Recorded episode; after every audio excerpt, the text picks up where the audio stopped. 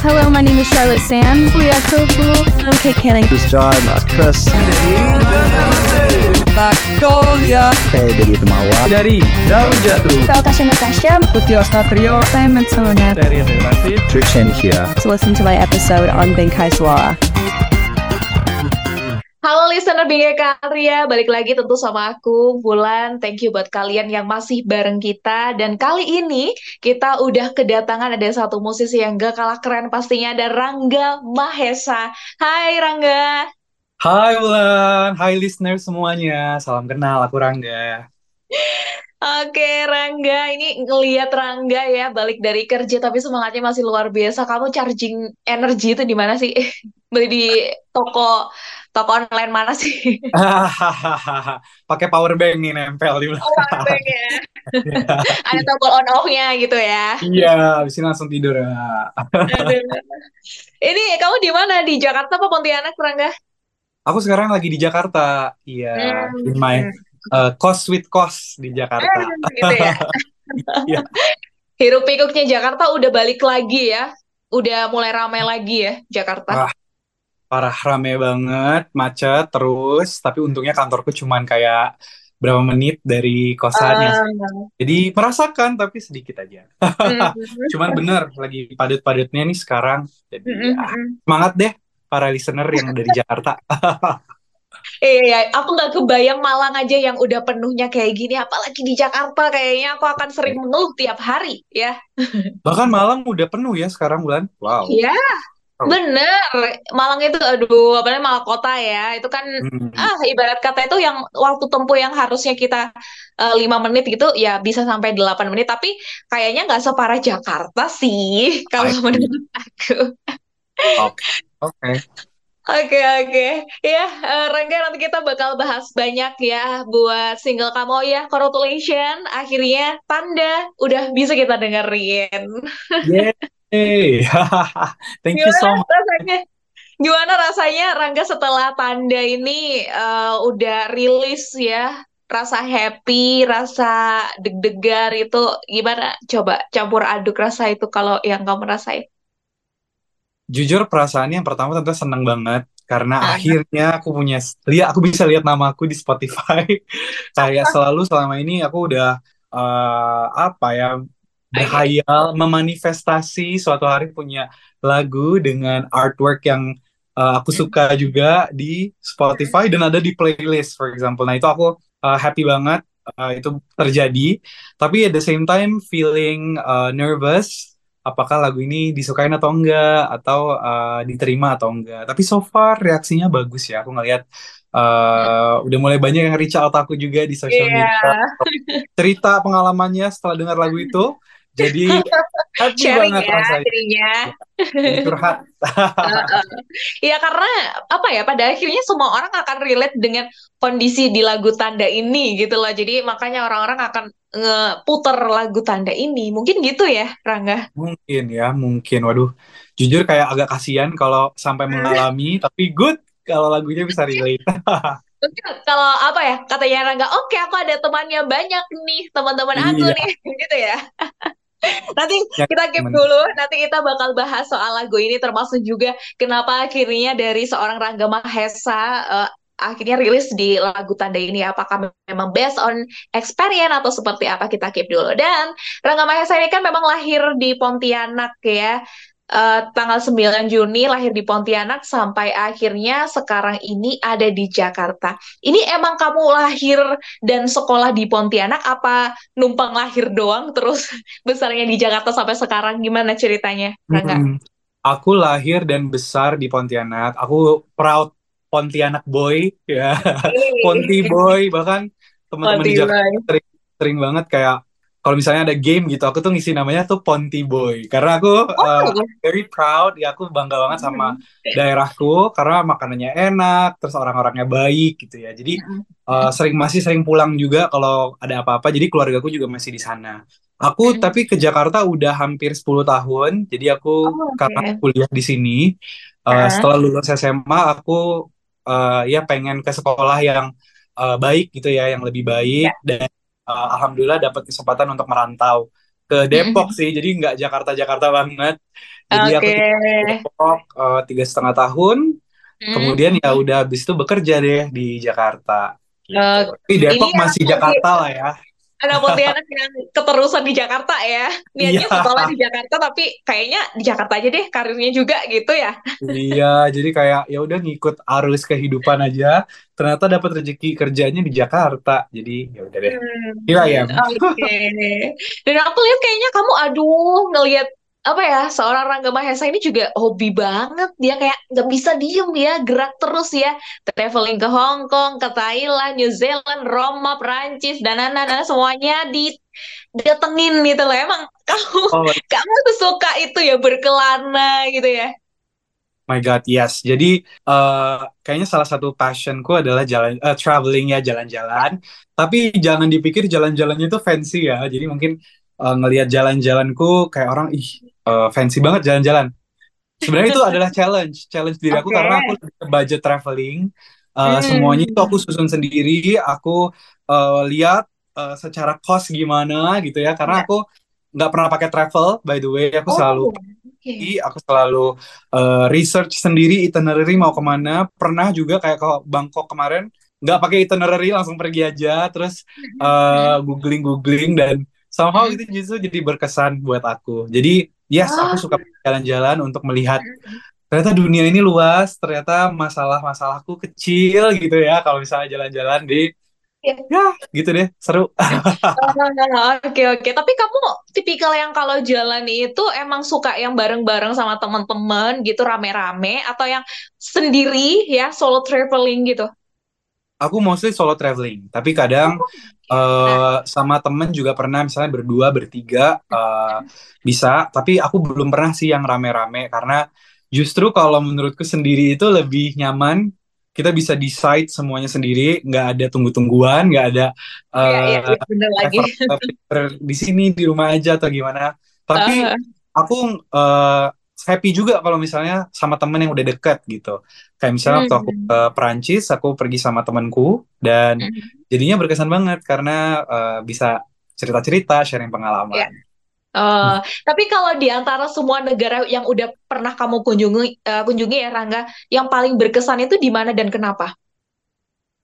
yang paling berkesan so far adalah New Zealand sih karena Kenapa? New Zealand itu kalau misalnya dilihat di eh, Google atau di internet dia negara tercantik kedua di dunia katanya nomor Hmm. satunya adalah Indonesia masih ya Indonesia Oh, oke. Eh, Tapi eh, pas aku sampai di New Zealand, aku amazed banget karena satu eh, sangat terjaga ya eh, apa alamnya dan karena hmm. dia tuh ada di selatan dunia, selatan bumi gitu, Hmm. musimnya tuh unik. Jadi kayak misalnya aku kemarin pergi saat winter, jalan sedikit suasananya seperti musim gugur kayak teduh tapi eh, warnanya kuning-kuning.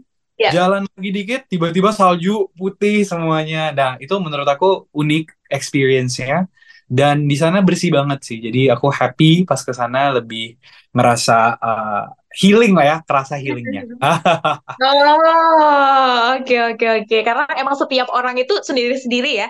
Emang ada tipikal orang itu yang seneng banget explore gitu. Jadi kayak charging energi moodnya itu dengan ya jalan-jalan kayak Rangga. Ada juga yang mungkin dengan eh, mencharging diri itu di rumah sendiri gitu. Tapi kalau Benar. kamu mengeksplor diri dan eh, sorry mengeksplor eh, dunia ini bahkan ya bisa dikatakan. Tapi kamu lebih nyaman itu berarti sendiri gitu ya. Iya, cuman aku kan sebenarnya extrovert ya, meaning aku Mhm. eh, energinya tuh tinggi kalau misalnya ketemu orang. Nah, Oke. sedangkan travel sendiri sebenarnya aku sebenarnya nggak menyendiri, justru aku Oh. menambah pertemanan dengan kenalan sama eh, traveler Hmm. lain atau sama Mhm. stranger, Ya, eh, ya. sebelah-sebelahan di pesawat ngobrol, mm-mm, rasanya mm-mm. kayak unik. Tahu dia dari mana, ternyata dia punya personal life yang menarik gitu. Jadi happy banget rasanya. Oke, oke, oke. Ini kalau ngomongin traveling kayaknya emang paling seru gak sih? Parah, seru banget. Oke. Nah, Rangga, eh, ini kalau kita ngomongin ke soal perjalanan kamu ya, kamu sendiri kan sampai akhirnya memilih untuk di industri musik ini gitu. Bahkan kamu sebenarnya juga sudah apa ya belajar soal vokal ini sejak usia 12 tahun itu kecil loh ya, anak kecil yang 12 tahun akhirnya ngerti mau arahnya ke mana itu emang karena kamu sendiri yang menemukan hal itu, menemukan passion itu, atau karena dorongan orang tua sih? Hmm, oke. Jadi waktu aku kecil, memang Hmm. aku udah tahu sebenarnya aku suka banget musik. Karena eh, dari kecil juga kalau misalnya mama lagi bersih-bersih rumah gitu ya, lagi beres-beres, anaknya nggak berisik, dia suka puterin lagu-lagu anak-anak kayak Tikus Makan Sabun, terus aku ingat banget dulu Abang Tukang Bakso gitu. Itu masih nempel banget di kepala aku dan aku suka kayak ternyata dengerin lagu-lagunya Joshua dulu zaman kecil Ah, kan. ah, Itu iya, iya. sampai hafalin lagunya. Nah, dan ternyata saat aku eh, bertumbuh gitu ya ke tingkat SD, TK gitu. Aku TK, SD, SMP eh, aku punya keinginan untuk terus eh, mengasah kemampuan aku gitu dan orang tua aku support banget. Jadi eh, kombinasi antara minat eh, dan bakat mungkin ya dari kecil plus Ya. support orang tua yang luar biasa banget. Jadi mamaku dan ayahku sangat suportif. Bahkan dulu waktu kecil di rumah tuh dibikinin studio gitu untuk kita Wow. nyanyi, latihan band gitu. Supaya anaknya nggak main-main keluar, mending teman-temannya aja diajak ke rumah gitu. Oh Dan iya itu iya. uh, support yang besar. Sampai akhirnya uh, mulai terarah lah. Aku bertemu dengan banyak uh, sosok-sosok inspiratif seperti guru-guru vokalku waktu kecil dan uh, teman-teman di dunia tarik suara juga yang kita bisa pelajari gitu. Oh, uh, ternyata skill menyanyi itu nggak cuman nyanyi aja, ternyata ada tekniknya, ada penjiwaannya, ada uh, strukturnya, ada ada Mhm. banyak sekali hal yang uh, bisa dilatih gitu. Dan menurutku itu menarik dan se- sehingga sampai aku kuliah uh, di Universitas Indonesia, mereka sangat mendukung juga tuh ekstrakurikuler uh, dunia tarik suara dan aku punya wadah lah yang bisa berkembang terus menerus sampai akhirnya sekarang bisa bikin lagu sendiri gitu. Oke, nah ternyata juga lumayan panjang ya perjalanan dari waktu kamu masih kecil dan belajar banyak hal sampai sekarang pun kamu masih kayak apa ya, eh, masih dengan tekad kamu yang apa ya, dengan prinsip kamu buat mempelajari semua hal tentang industri musik ini gitu. Ya. Dan bersyukur banget gak sih kayak kanan kiri kamu itu support termasuk orang tua support sampai segitunya itu kayak sesuatu yang harus disyukuri gitu loh. Bersyukur banget, aku bersyukur banget. Jadi sampai sekarang bohong kalau aku bilang semuanya aku kerjain sendiri itu nggak nggak nggak bener juga sih karena menurutku even tanpa khusus untuk lagu tanda ini karena Ya. aku independen kan, jadi aku indie ngerjainnya. Uh, aku ngerasa tanpa support dari teman-temanku, dari apa lingkunganku yang punya kemampuan ini, yang punya uh, pengalaman, yang mereka mau share ke aku, nggak mungkin lagunya kelar sih. Jadi uh, Oke. mana- aku mau makasih juga ke semua teman-teman yang udah bantuin sampai tanda ini jadi. Dan tanpa kalian ya aku nggak nggak bisa juga menyelesaikan lagunya. Gitu. Nah, ini balik lagi ke perjalanan kamu ya. Sampai akhirnya kamu tadi sempat cerita kalau harus ke Jakarta ya. Di eh, di lain sisi juga ada eh, hobi, karir ya, dan satu hal yaitu pendidikan gitu. Dan sampai akhirnya kamu memilih buat studi di Fakultas Teknik di UI ya. Kayak dari nyanyi ke teknik. Nah, ini gimana ceritanya nih? Ada pertimbangan apa waktu itu, Rangga? Wah, menarik sih. Ini sangat uh, pertanyaan yang seru banget kalau dijawab. Jadi, aku tuh selalu uh, saat aku mengambil keputusan dalam hidup, Cia ini berat ya, ini deep talk ya kita ya, nggak apa-apa ya. Soalnya Oke, oke. mengambil keputusan-keputusan dalam hidup, aku tuh memang selalu ngelihat dua sisi, kayak Oke. dari satu uh, yaitu uh, akademis dan satu sisi lain adalah sisi uh, passion dan dalam seni gitu.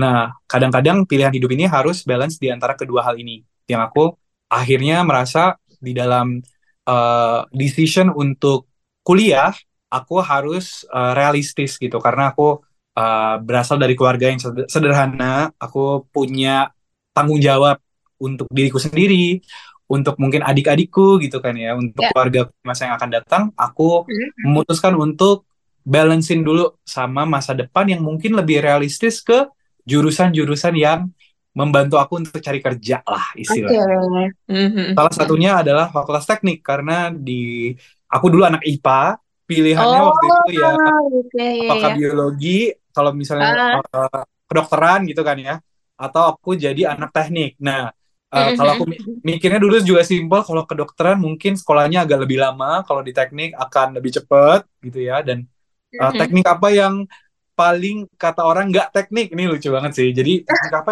Teknik tapi paling nggak teknik.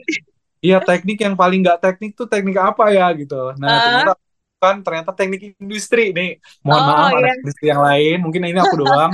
Sebenarnya anak teknik industri itu teknik yang paling kompetitif karena banyak banget yang mau masuk ke sana. Hmm, Tapi hmm, menurutku approach-nya lebih mix antara teknik dan manajemen. Jadi eh, nggak begitu yang harus eh, mungkin nyolder ini di pengalamanku Iya. ya karena bisa pilih juga Mhm. sih sebenarnya kalau mau. Eh, atau yang eh, berat-berat banget lebih ke optimasi di komputer atau gimana dan aku ternyata lolos jadi Oke. emang rezekinya sih bulan Oh, emang udah jalannya berarti ya bisa masuk ke sana gitu sesuai dengan apa yang kamu mau. Termasuk juga bahkan nggak kayak apa ya, kayak lagi-lagi jalan ya Rangga ya. Setelah kamu masuk ke UI bahkan kamu juga sempat eh, juara loh kompetisi internal bintang of UI ya waktu itu ya. Itu tim vokal grup yang kamu di situ juga ada di dalamnya situ dan Nggak cuma itu, banyak banget prestasi-prestasi itu juga di dunia tarik suara. Wah, segitunya loh. Kayak Hmm. apa ya, strugglingnya seorang Rangga Mahesa. Apa sih yang bikin kamu, apa ya, bisa menjalani hidup, menjalani hari-hari kamu, termasuk juga menekuni apa yang sekarang ini ada, termasuk salah satunya eh, industri musik ini. Prinsip apa sih yang kamu pegang atau mungkin ada apa ya, kayak advice dari orang tua yang bener-bener kamu pegang banget gitu? Hmm, oke. Jadi eh, ngomongin prinsip, aku sih selalu ngasih yang terbaik di yang aku lakukan. Itu nomor satu. Jadi waktu di teknik juga ada satu orator, aku lupa siapa, tapi quotes-nya adalah jangan setengah-setengah, karena setengah-setengah berarti musnah. Cie. Oh, asik. Oke, oke, Ya, bisa-bisa. yes. Artinya apa? Mungkin dari situ, kalau misalnya kita mau ngelakuin sesuatu, kasih yang Ya. terbaik. Mungkin yang terbaik dari kita belum yang terbaik untuk orang lain. Mungkin ada yang lebih Oke. bagus, ada yang lebih jago, ada yang lebih pintar. Nggak apa-apa. Kita punya uh, waktu untuk belajar, untuk terus berimprove ya, untuk terus bertumbuh gitu di apa pun itu yang kita lakukan. Jadi uh, saat ini ada dari dulu aku tuh selalu lagi-lagi fokusnya akademis dan musik, akademis dan musik dan dua ini yang selalu aku fokuskan. Dan ketika saat uh, aku harus melakukan dan uh, punya tanggung jawab itu, aku kasih yang terbaik. Kayak misalnya ya saat aku harus belajar, aku akan belajar, aku akan berusaha supaya survive di teknik UI juga waktu itu nggak mudah. Uh, aku punya tekad untuk lulus tiga setengah tahun dan cum laude gitu. Uh, itu juga tanggung jawab yang aku berikan ke diriku uh, sebagai rasa terima kasih ke orang tua juga yang sudah mensupport. Tapi di satu sisi aku suka dunia tarik suara yang ternyata saat kita belajar membagi waktu, belajar um, minta eh, punya komunitas yang suportif gitu. Oke. Menurutku itu bisa banget dicapai keduanya dan ternyata sampai sekarang itu masih berlanjut sih prinsipnya. Jadi selalu memberikan yang terbaik ke semua hal yang kita coba. Hmm, wow, ini bisa dikutip nih, boleh banget nih kalau mau dicontek ya. Ah. Buat listener, apa yang sudah jadi eh, kunci gitu ya, prinsip hidup seorang Rangga sampai akhirnya sekarang itu yang masih semangat banget untuk cita-citanya, untuk karirnya, termasuk juga mimpi di industri musik sendiri. Dan nggak cuman itu, wah ini kayaknya kalau misalnya kita ngulas soal apa pencapaian kamu banyak banget ya, termasuk ikut musikal petualangan Serina ya waktu itu ya. Iya, jadi aku uh, ceritanya mungkin setelah lulus kuliah kan Oh, masuk lu- ke dunia oh, kerja, gitu loh. ya. masuk ke dunia kerja itu ternyata uh, ada penyesuaian yang besar lah karena kalau di kampus kan komunitas musik ada gitu kan selalu Ya. standby gitu. Kita akan ikut aja agendanya. Nah, setelah aku lulus kuliah, aku udah mulai lepas tuh dari sistem perkuliahan yang sudah teratur. Jadi kalau misalnya mengembangkan bakat, aku harus cari sendiri gitu di luar uh, dunia kampus dan di luar kantor juga karena dari uh, kantorku sekarang tidak ada uh, komunitas tersebut. Jadi yang Hmm. kulakukan, aku lihat-lihat di kesempatan-kesempatan yang ada dan ternyata ada audisi. Dan di Oke. audisi ini menjadi ensemble di Mm-mm. musikal Petualangan Sherina yang kebetulan aku juga suka banget filmnya. Iya. dan alhamdulillah terpilih untuk bergabung di komunitas tersebut. Jadi sampai sekarang aku masih tergabung nama komunitasnya Jakarta Movin. Hmm, Eh, Jakarta Movin. Jakarta Movin eh, ini yang menjadi komunitas eh, banyak sekali anak-anak berbakat sih dan aku happy banget aku menemukan teman-teman terdekatku juga dari situ ya aku bersyukur banget sih bisa tergabung di komunitas ini Hmm, oke. Nah, itu ya buat listener ya, eh, sekilas untuk perjalanan Rangga. Sebenarnya kalau kita kuliti, nah ini masih banyak banget perjalanan Rangga Mahesa. Tapi itu tadi untuk perkenalannya dan eh, kita langsung ke lagu kamu ya, lagu Tanda ini. Sebenarnya lagu ini kan kayak eh, nyeritain seseorang yang apa ya, make sure gitu loh sama hubungan yang sudah lama ini, tapi kok semakin lama kok rasa ini seakan-akan pudar dengan eh, tingkah laku kamu yang berbeda gitu kayak. Sebenarnya ada apa sih lebih ke kayak gitu atau gimana kalau kamu sendiri, Rangga? Ih bener banget ya I think you translate that perfectly jadi eh, kita eh, di lagu itu aku lebih ke benar menceritakan tentang seseorang yang mempertanyakan dan eh, lebih ke ngasih tahu sih kalau memang udah nggak mau lagi ya bilang ya gitu supaya aku bisa cari yang lain supaya aku bisa move on dan cari kebahagiaanku. Karena aku berhak bahagia juga. Mm-mm, tapi iya di satu dong. benar tapi di satu sisi ada juga eh, sebenarnya aku juga masih berharap eh, kamu bertahan eh, karena hati ini telah memilih kamu gitu Eh, oke oke. Nah, ini karena kamu juga yang nulis ya, kita langsung saja konfirmasi kepada penulis sekaligus penyanyinya ya, Rangga Mahesa. Tanda ini apakah karena pengalaman pribadi kamu atau gimana? ah benar pengalaman pribadi makanya kalau nyanyinya tuh lumayan merasakan banget karena kayak Oh, ya itu kuncinya ya. ya, tapi tenang tenang sudah sangat move on dan bahagia Oh, oh, oke oke kayak oke. Aman sejahtera berkat berkat masa lalu sekarang juga punya karya. Jadi ternyata segala sesuatu yang mungkin dulunya kita menilai kayak harusnya kita nggak nggak ada di posisi ini ternyata juga ada baiknya ya Rangga. bener banget jadi kayak ternyata nggak semua yang buruk itu buruk eh, ujungnya. Bisa jadi ah ini jadi inspirasi eh, karya.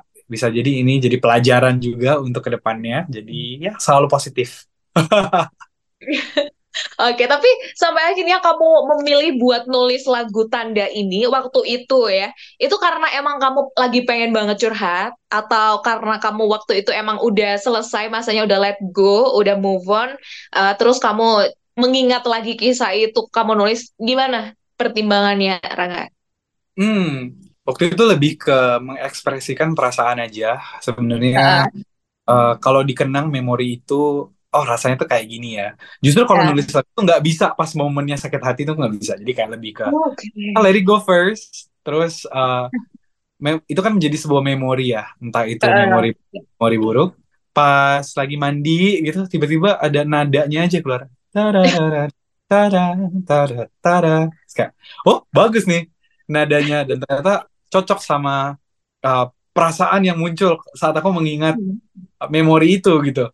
Pas dicocokin, wah ternyata aku bilang ke temanku dulu sih, eh aku ada lagu nih mau denger nggak? Dan mereka bilang, ih ini enak banget, coba di diterusin. Ya, di deh Eh. lagu sekarang. Oh, oke oke oke. Jadi bisa dikatakan kayak sebenarnya juga yang nggak disengaja kan ya munculnya ide itu. Benar, kayak nggak ada yang, wah harus dibuat jadi lagu. Heeh. Lebih ke natural aja. Hmm, oke oke. Tapi kalau buat nyelesain itu semua, Rangga mulai dari kamu nulis lagu Tanda ini sampai akhirnya jadi realize itu butuh waktu berapa lama? ngerjainnya sendiri ternyata eh, nggak selama itu. Eh, aku rasa Hmm. prosesnya kemarin sekitar empat bulan, 4 sampai lima Oke. bulan gitu. Hmm. Lagi-lagi karena eh, bantuan dari banyak teman-temanku sih. Jadi jujur Hmm. dari semua prosesnya itu aku banyak banget dibantuin Hmm. sama eh, macam-macam pihak lah. Mungkin aku boleh sebutin ada namanya Criselda, itu arranger fotografer aku. Ada Kak Faras, itu dari eh, visual director aku, ada Razak, fotografer aku, dan semua mereka tuh teman-temanku dulu eh, di komunitas musik dan Hmm. anak-anak UI juga semuanya kebetulan. Oh. Jadi eh, ada inilah ya rasa exchange. Ada yang sini gue bantuin loh gitu. Dibantuin. Akhirnya, nah, dan lagi-lagi juga ditemukan dengan orang baik yang satu visi misi ya buat nyelesain itu, ini semua. Benar, benar. Oke, nah eh, kalau buat bicara nulis nih ya, kali ini nulis lagu, tanda ini kan juga udah selesai. Tapi sebenarnya kamu kalau nulis lagu ini, itu udah lama atau emang baru-baru ini dan tanda ini emang jadi lagu pertama kamu yang kamu tulis atau gimana? Good question. Jadi sebenarnya aku udah nulis lagu itu dari aku eh, SMA, kuliah gitu ya, itu sudah sering Hmm. nulis potongan-potongan lagu. Nah, Kamu puitis ya anaknya berarti ya? Iya, suka banget kayak bahkan kalau misalnya ada orang yang eh, temenku gitu yang spesial, aku biasanya ngasih Hah? kadonya tuh barang sometimes, tapi kalau misalnya spesial banget aku ngasihnya puisi ya, Oh, oke Iya, oke. nulis-nulis kata-kata gitu ya. Jadi eh, untuk tanda sendiri spesifiknya aku nulisnya di 2020 kayaknya 2020 2021 around that time, tapi bentuknya memang potongan-potongan sih. Jadi eh, tergantung lagi-lagi karena nat- natural eh, ngikutin perasaan. Nah, tapi apakah tanda lagu pertama? Sebenarnya enggak. Ada beberapa lagu yang aku tulis lebih awal, eh, lebih duluan, yang konteksnya mungkin bukan soal cinta, lebih ke tentang bagaimana kehidupan, bagaimana eh, apa pengalaman orang lain yang aku lihat dan aku eh, terjemahkan ke dalam lagu gitu. Itu juga pernah ada. Tapi Mhm. tanda ini spesial, eh, aku keluarin duluan karena perasaannya tuh masih eh, fresh banget dan pengalaman pribadi juga. Dan eh, menurutku banyak nih anak-anak zaman now. Nggak cuma anak-anak ya sorry. Eh, millennials Gen Z Iya. dewasa sekarang yang mengalami hal ini. Jadi lagi relevan banget. So kita cobain deh. Kita apakah ada orang eh, yang kena nih sama lagunya yang kita tandain nih pakai lagu ini gitu Oke, tapi ada nggak sih apa bagian yang challenging banget buat kamu saat apa ya waktu nyelesain lagu ini, Rangga? Hmm. Bagian yang paling challenging tuh menurutku rekamannya ya. Jadi Mhm. merekam lagu Tanda ini prosesnya lumayan panjang sekitar 6 jam Oh, oke. dilakukan di studio. Mhm. Alasannya karena ingin dapetin rasanya di setiap kata gitu. So eh, prosesnya menjadi panjang karena aku pengen make sure saat aku menyanyikan lagunya Mhm. aku benar-benar merasakan eh, apa arti dari lagu itu, message-nya apa, supaya Oke. saat itu tulus itu rasanya. Dan untuk mendapatkan level perasaan itu waktunya cukup panjang. Eh, Mhm. aku juga work sama vocal directorku Griselda untuk bisa help bisa sampai ke level itu dan ternyata aku puas sih sama eksekusinya. Cuman ya lumayan eh, melelahkan Mhm. tapi worth it banget. Oke, nah ini juga jadi pertanyaan aku ya, karena aku ngelihat dari artwork kamu sampai di uh, lirik video itu kamu kayak uh, bener-bener apa ya ngambil warna biru ya dari artwork kamu itu kan biru dan kamu duduk di situ, termasuk juga di lirik video kamu itu kan kayak awan gitu, warnanya biru juga. Ada apa dengan konsep ini, dengan warna biru ini buat kamu? Atau mungkin ada Hmm, sesuatu gitu? good question. Mulan kamu pertanyaan keren-keren banget deh. Asik. Aku yes mantap. Jadi aku tuh eh, suka banget warna biru. Itu itu Ah. Oh, itu fun fact-nya. ya eh, menurut aku warna biru itu warna favoritku Eh, dari Oh, kecil. Aku kayak selalu waktu aku pramuka SD ada namanya barong. Nah barongku tuh barong biru. Terus aku oke. SMA SMA itu warnanya warna SMA aku seragamnya tuh batiknya biru. Terus waktu Hmm, masuk teknik UI, teknik UI itu kalau lihat makarannya warnanya wa- iya. warna biru. Biru. Nah, Eh, eh. warnanya biru. Jadi aku ngerasa kok hidup aku banyak banget biru-birunya ya gitu. Jadi eh itu otomatis jadi warna favorit nomor satu. Sehingga waktu aku discuss sama visual director aku, bagus nggak ya kalau warnanya biru gitu. Dan ternyata diskusi gradingnya, eh, Mhm. color shade-nya itu kita combine sama warna hijau terang eh, kebiruan gitu. Ternyata jadi bagus gitu. Dan saat aku mikirin objeknya, aku terinspirasi sama awan. Kayak kalau ngelihat langit, kadang kalau ngeliat awan tuh itu tandanya apa ya gitu. Kadang-kadang suka Ah, nge- iya. Mhm. menerbak tanda-tanda dari langit gitu ya. Ini maksudnya apa? Jadi ya cocoklogi.com. ternyata ada deh. BMKG minggir dulu ya. Oke, oke. Nah, Rangga setelah akhirnya tanda ini udah rilis buat waktu dekat, ini sebenarnya 2023 juga hitungannya udah ini ya tinggal satu bulan nggak ada ya. Ada apa lagi nih rencana-rencana kamu di waktu dekat atau mungkin jauh-jauh hari yang udah kamu siapin? Good. Jadi um, baru banget hari Minggu kemarin aku uh, Hmm? first performance di Jakarta untuk ngelakuin my first live performance. Uh, itu udah terlaksana dan ke depannya aku pengen uh, lebih produktif untuk bikin lagu lagi sih. Jadi aku udah siap nih lagu keduanya, udah siap di uh, rekam, diproduksi dan dirilis mungkin sekitar Februari tahun depan.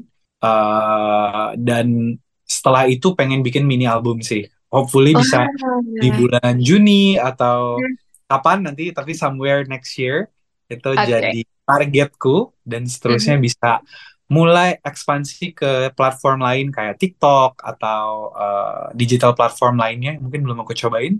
Uh, oh ya, video klip Tanda juga akan rilis bulan ini, Hmm. jadi akan ditunjukin ke yang lain juga. Eh, Oke, nah ini udah banyak juga ya planning-planning yang udah disiapin ya. Dan eh, untuk selanjutnya udah tadi udah dijelasin. Nah, buat listener nih yang kepo ya, buat lagu kamu bisa didengerin di mana termasuk mungkin pengennya itu dengerin sama nyanyi gitu, lirik video itu juga bisa dilihat di mana. Oke, uh, listener bisa dengerin Tanda di Spotify, di YouTube Music, di uh, Amazon Music, di semua digital streaming platform yang teman-teman uh, punya. Lagunya juga ada di Instagram kalau mau dipakai sambil story-story. Ada juga di TikTok kalau misalnya mau bikin video gitu ya. Uh, ada juga di uh, YouTube lirik videonya bisa dilihat untuk sambil karaokean dan uh, sooner akan ada di uh, maksudnya video klipnya akan diupload di YouTube juga untuk bisa dinikmati semuanya. Jadi Oke, tuh deh, please uh, dengerin, semoga suka dan ceritain ke aku Rich Mel di Instagram untuk uh, ceritain pengalamannya setelah mendengar lagu itu. Oke, Rangga. Tapi kalau buat video klipnya nanti diuploadnya di YouTube kamu ya?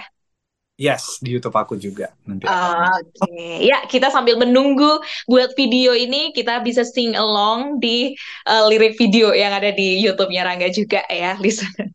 Nah, thank you Rangga Mahesa buat obrolan kali ini. Aku berharap 2024 album kamu udah jadi, kita bisa ngobrol dan kamu main ke Malang.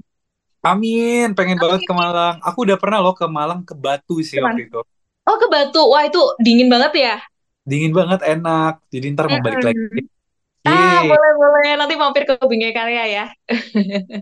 Oke, thank you Rangga Mahesa dan thank you juga buat listener Bingkai Karya yang udah dengerin obrolan kita. Jangan lupa buat dengerin lagu dari Mahesa juga dari Rangga Mahesa yang berjudul Tanda pastinya. Bye semuanya. Thank you, thank you, thank you. Bye, guys. Hello, my name is Charlotte Sam. Buyatoku. I'm Kate Canning. This is John Chris. Saya dari Temawa. Dari Daun Jatuh. Natasha Natasha. Putih Ostatrio Simon Sonet. Dari Relasi. Trichen here. To listen to my episode on Benkai Suara.